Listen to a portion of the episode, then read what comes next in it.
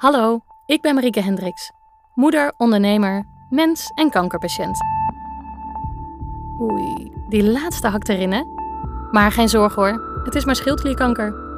En dat is dus wel echt kloten, maar niet dodelijk. Je hoort in deze podcast alle tegenstrijdigheden, mijn te maken keuzes, mijn twijfels en uiteraard ook mijn positieve kijk op dit alles. Opgenomen van mijn twee jongens. Maar aangezien het een zeldzame vorm van kanker is, wellicht ook prettig om te luisteren als je zelf mee te maken hebt. Of gewoon omdat je me wil steunen. Mama heeft ouw. Laten we hopen dat het maar een korte podcastserie is. Hey jongens, wat fijn dat jullie nog steeds luisteren. Ik, uh, ik klink nog steeds een beetje verkouden en een beetje naar. Um, we hebben een, een best een flinke griep te pakken gehad, Dolf en ik samen. Daar zijn we een, een heel weekend volledig van, van de kaart geweest. En bij mij blijft hij nog heel erg lang hangen. Dus ik heb nog steeds last van mijn keel. En uh, je zult me af en toe wel een beetje horen snuffen. Maar, um, maar verder gaat het nu weer heel erg goed. Ik uh, heb een ontzettende klote week gehad. Het is nu 2 november. En um, nou, in de eerste aflevering vertelde ik al dat het toen 7, 8 dagen duurde voordat het echt ingedaald was. Toen ben ik uh,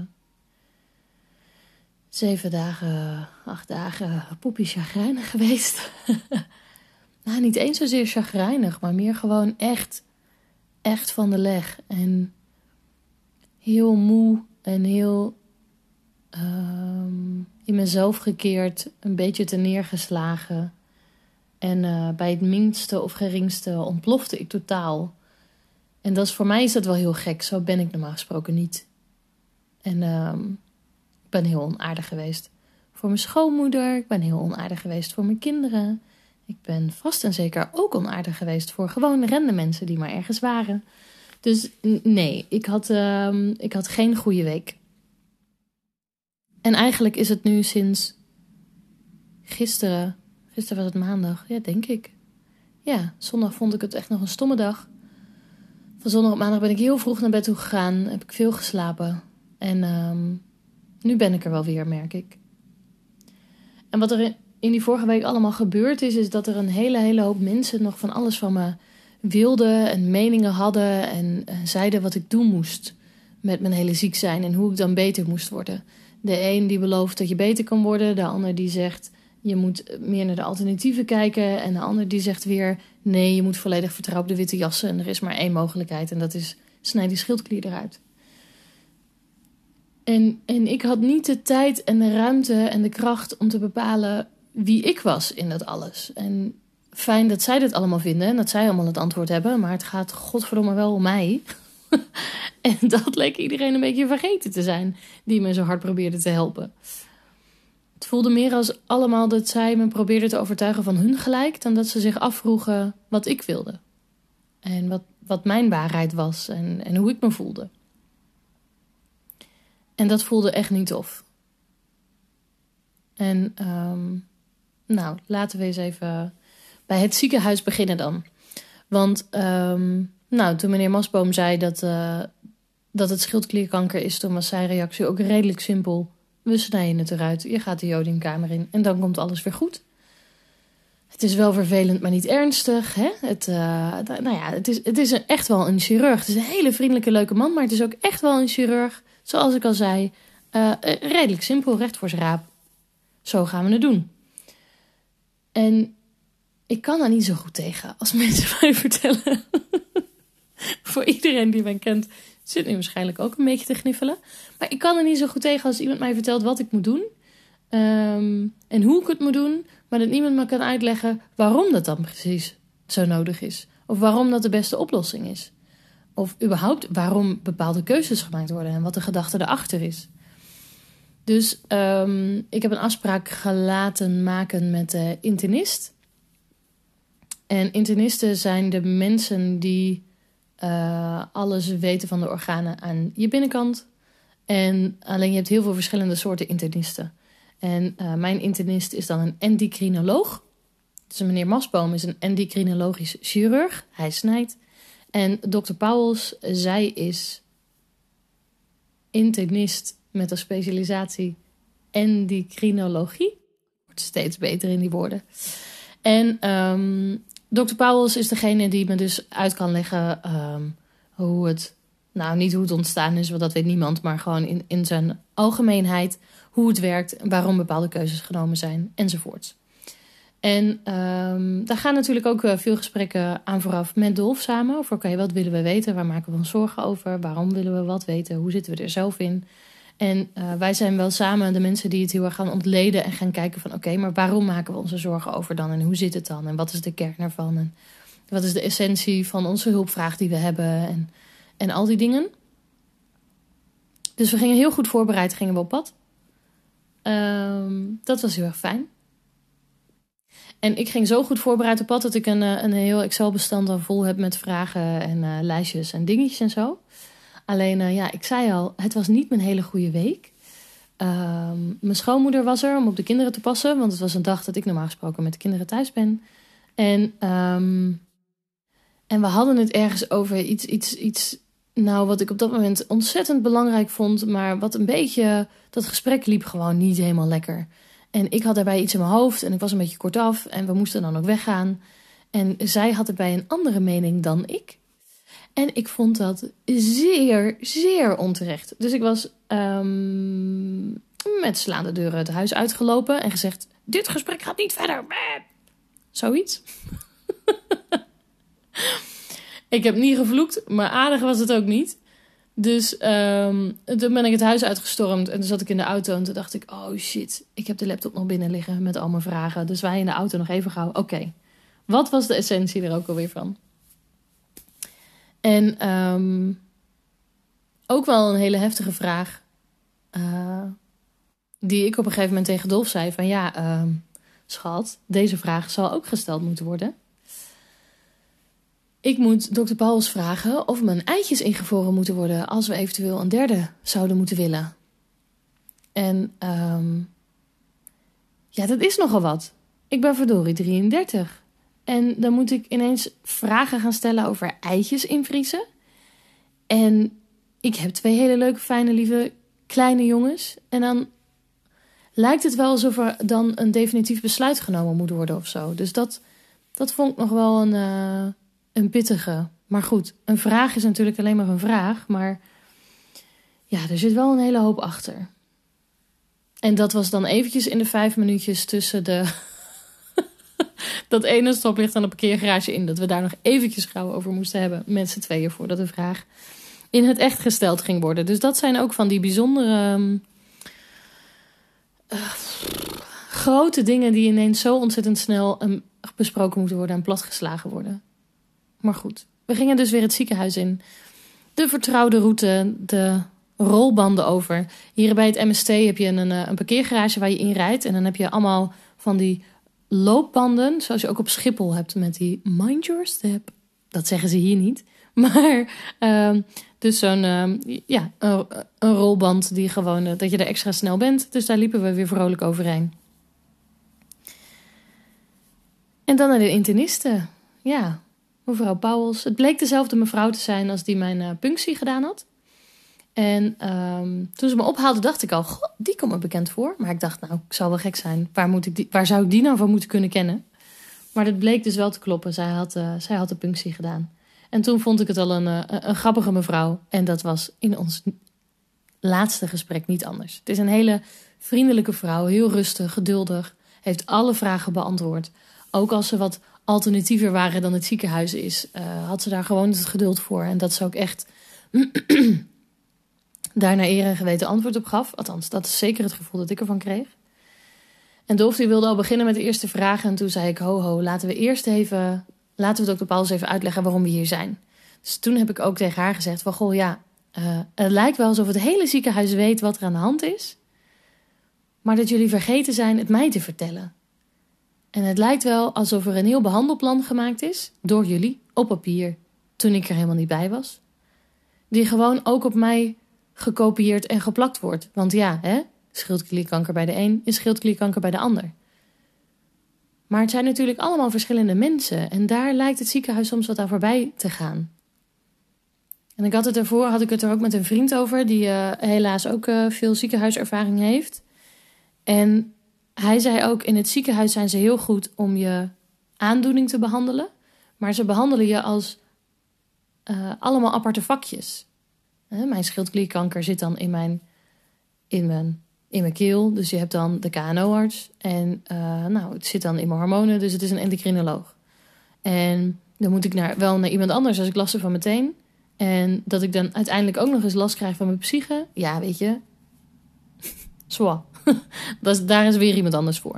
Er wordt niet over nagedacht over wat de informatie die ze verschaffen. En vooral het tekort aan informatie die ze verschaffen. doet met de patiënt als geheel. En wat het dan ook voor effect heeft op de verloop van je herstel en je, en je, nou ja, en je alles.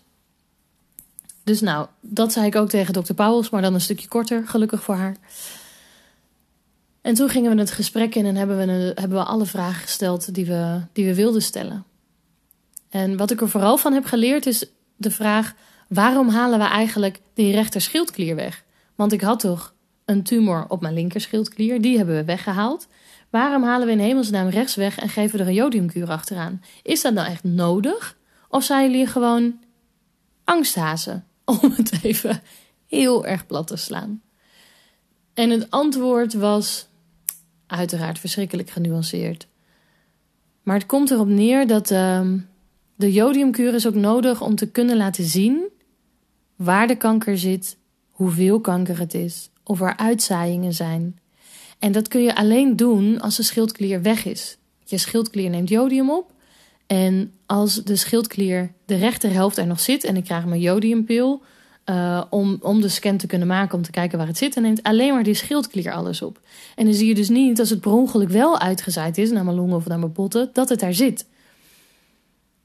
En, zo is het ook, als we me radioactief jodium geven om die scan te doen, dan gaat mijn schildklier toch naar zijn malle giezen. Dus dan kun je hem beter maar uitsnijden, uithalen, zodat je een goede scan kan doen. En volgens het ziekenhuis is er geen alternatief. Zij zeggen gewoon: ja, uh, je tumor was 4 bij 2, veel te groot, totaal geen twijfelgeval. Het moet er gewoon uit. Had ze flats klaar dan. Nou, af en toe gebruikten ze nog wel eens zo'n zin in het gesprek om de urgentie ervan aan te geven. Maar wat heel vriendelijk was, is dat ze elke keer na zo'n zin ook direct zei: Ja, dat is hoe wij het denken. Als jij je er goed bij voelt. Als dat oké voor jou is, mevrouw Hendricks.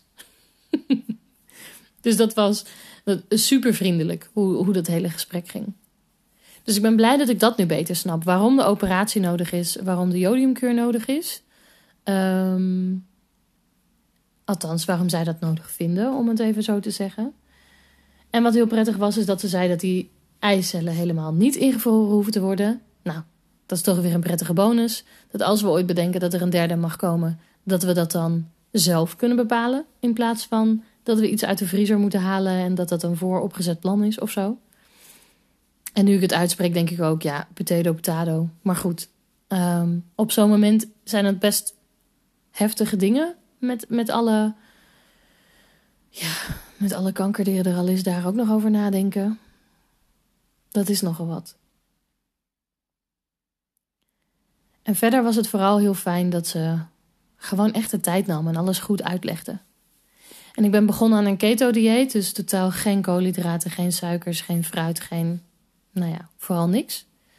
Uh, en ik heb haar ook de vraag gesteld van, goh, is dat eigenlijk nuttig? Hoe kijk jij daar tegenaan, mevrouw die daar heel lang voor gestudeerd heeft? En toen zei ze dat er, um, het was een mooi, ik vond het een mooi witte jassen antwoord.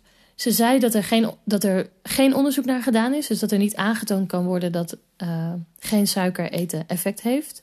Maar dat ze er met de boerenverstand wel kan redeneren dat het zin heeft. Want als je bijvoorbeeld, ik geloof dat het een PET-scan is, als je een PET-scan laat doen, dan wordt er ook een glucosemengsel in je lijf gespoten. Die kanker die reageert daar heel enthousiast op, omdat kanker voornamelijk als doel heeft groeien, groeien, groeien. Die willen daarom heel veel suiker, suiker, suiker. Dus als ze zo'n glucose-ding doen, dan wordt, wordt de kanker in je hele lijf actief en dan kun je op de scan heel mooi zien waar de kanker zit. Dus met je boerenverstand kun je redeneren, als je in het gewone leven ook leeft op chips en chocolade, dan heeft je kanker heel veel energie om te kunnen groeien, groeien, groeien. Wat ik natuurlijk niet wil. Echter, schildklierkanker is een hele trage vorm van kanker. Dus is het niet aannemelijk dat ehm, mijn kanker er weer opnieuw van gaat groeien. Of als het op andere plekken zit, daar verder gaat groeien. En daarnaast heb ik ook nog eens folliculaire schildklierkanker, wat dan de trage variant is van de schildklierkankers die er zijn. Dus ik ben gezegend met zeer luie tumoren. Wat betekent dat ehm, ik gewoon weer redelijk kan eten wat ik wil.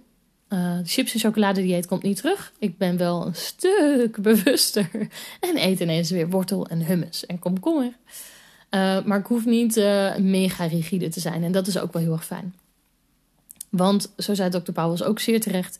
je hebt wel twee kinderen onder de twee. Je bent net geopereerd. Je moet nog een keer geopereerd worden. Op krachten komen en blijven is wel erg verstandig. Dus die hebben we... Um, die heb ik wat losser gelaten. Maar dat is wel heftig, moet ik zeggen. Om het enige waarvan ik dacht dat ik controle op had, los te laten en dus compleet toe te moeten geven dat ik echt overgeleverd ben aan mijn lijf en aan de dokters en aan het verdere verloop, aan het lot, aan het hoe je het noemen wil. Het keto-dieet gaf me ook een heerlijk gevoel van controle, van het toch een beetje zelf in de hand kunnen hebben, van er zelf ook nog toe doen. En natuurlijk doe ik er wel toe in het proces. Ben ik nog steeds een hele belangrijke, een hele belangrijke speler in mijn eigen ziek zijn. Um, maar ja, ik kan nu dus echt niet anders dan rust nemen, vertrouwen hebben en zo gezond mogelijk zijn. En dat, um, ja, toen ik zaterdag dat daar echt niet meer onderuit kon, was het wel even, even slikken en loslaten. En dat nog dan vier keer voordat het echt goed lukte. Dus ja, donderdag was wel een hele belangrijke dag. En um, ben op vrijdag nog naar mijn eigen huisarts geweest. Daar hebben we het ook over gehad. En um, mijn huisarts is ook lekker alternatief, vind ik. En ik vind het heel prettig dat het iemand is die er en voor gestudeerd heeft, maar ook open staat voor andere zienswijzen. En um, we hebben er wat over gefilosofeerd en gesproken. En we zitten redelijk op één lijn. Um, nou, met de internist redelijk op één lijn, hoewel zij wel iets meer witte jas is dan ik. Maar dat is heel goed voor deze mix, verwacht ik. En dan de acupuncturist waar ik geweest ben vorige week voor het eerst, vandaag voor de tweede keer, die aan de totaal andere kant van het spectrum zit. en die dingen zegt als: waarom zou je laten opereren? Dit komt er gewoon allemaal helemaal goed. Um, en ja, daarover een volgende keer meer, denk ik. Ik, um, ja, denk wel even dat het goed is om even aan te geven dat we hebben dus al deze gesprekken gehad. Dat gekke ziekenhuis gehad waarin je echt moet vechten voor je plekje. En moet zorgen dat je voor elkaar krijgt wat jij voor elkaar wil krijgen. Uh, waar uh, fijne mensen die meedenken een zeldzaamheidje voelen. Uh, maar die er gelukkig wel zijn. Ik werd gebeld voor de operatie die ingepland was. Die was eigenlijk vandaag gepland. Um, en dan bellen ze een paar dagen van tevoren, zonder dat ze ook maar iets zeggen of aankondigen. Zeggen ze: Hoi, ja, nou, aanstaande dinsdag sta je in, op de planning. Wil je? Dat ik zei, nou, uh, nee. nee, dat wil ik niet. Het gesprek met de internist moest toen nog plaatsvinden. Um, dus ik zei van, nou, ik, uh, ik ben er nog niet helemaal over uit wat ik wil. En die mevrouw was heel vriendelijk en zei van, nou, zullen we dan afspreken dat jij ons belt als je er klaar voor bent? In plaats van dat we jou bellen en elke keer weer de stuip op het lijf jagen. En uh, je heel veel keuzes moet gaan maken of je het wel of niet wil. Zeg, bel ons maar. Als je er klaar voor bent, dan gaan we je inplannen. Want oh ja, dat is, uh, dat is een puntje nog in het kader van het ziekenhuis. En fantastische communicatie. Ik sta op een spoedlijst voor de operatie. En daarom schrok ik heel erg. Want ineens word je dan gebeld en zeggen ze: Je staat op een spoedlijst. Terwijl de chirurg zei: Je hebt alle tijd van de wereld. Je kan ook drie maanden wachten als je wil. En dat rijmt niet met elkaar. En dus, ik ben normaal gesproken niet zo stressgevoelig. Maar als je dan niet lekker in je vel zit en je wordt gebeld en ze zeggen dat soort dingen, dan ben ik wel dus een hele periode van de leg. En um, dat heeft dokter Pauwels ook uitgelegd en in perspectief geplaatst. Um, En toegegeven zonder het te zeggen dat het niet zo heel handig gecommuniceerd was van ze. Ik sta op een spoedlijst omdat het nu natuurlijk de prachtige corona's in het land is, nog steeds. En dankzij de coronings uh, liggen daar allemaal mensen in het ziekenhuis. Wordt er reguliere zorg uitgesteld en is het allemaal kloten en zijn er hartstikke lange wachtlijsten. Ze willen mij niet op die hele lange wachtlijst zetten, of althans niet achteraan. Uh, en dus word ik op een spoedlijst gezet. Wat betekent dat als ik uh, bel voor een operatie, wat ik uh, gisteren gedaan heb, een verzoek tot inplannen, dat, je, dat ik dan twee weken later aan de beurt was. Dus het is niet dat ik vandaag bel en dat ik morgen aan de beurt ben. Zo ernstig is het gelukkig niet. Maar ze kijken wel van waar een gaatje is, daar, uh, daar mag ik in. Dus um, ja, weet je, had het gewoon net even gezegd voordat ik de kamer uitliep, dat ze zeiden: Oh ja, trouwens, door corona hebben we een spoedlijst en zetten we je erop. Dat heeft niks met de spoed te maken, maar vooral met onze wachtlijsten. Maar goed, dat zijn af en toe dingen uh, die zijn voor het feedbackformulier, helaas. Maar goed, ik ben ingepland. 16 november word ik voor de tweede maal geopereerd. Dan wordt de rechterhelft van mijn schildklier verwijderd. Dan moet ik minimaal twee nachten blijven, maar misschien ook wat langer. En dat heeft dan te maken met de calciumwaardes die eventueel heel hard kunnen dalen, omdat de bijschildklieren in de buurt zitten van de schildklier. Even wat technische shit. Maar um, daar ga ik denk ik gewoon nog ook een keer een losse aflevering over opnemen. Over hoe dit nou technisch allemaal werkt. Maar het ziekenhuis, ja jongens, zorg maar gewoon dat je er niet heen hoeft. Doe al je gekke alternatieve dingen lekker uit voorzorg. En je dagelijkse stappen en je vitaminepilletjes. Want um, het ziekenhuis is echt gewoon geen leuke hobby om te hebben. Tenzij je een witte jas aan hebt natuurlijk dan is het één groot feest.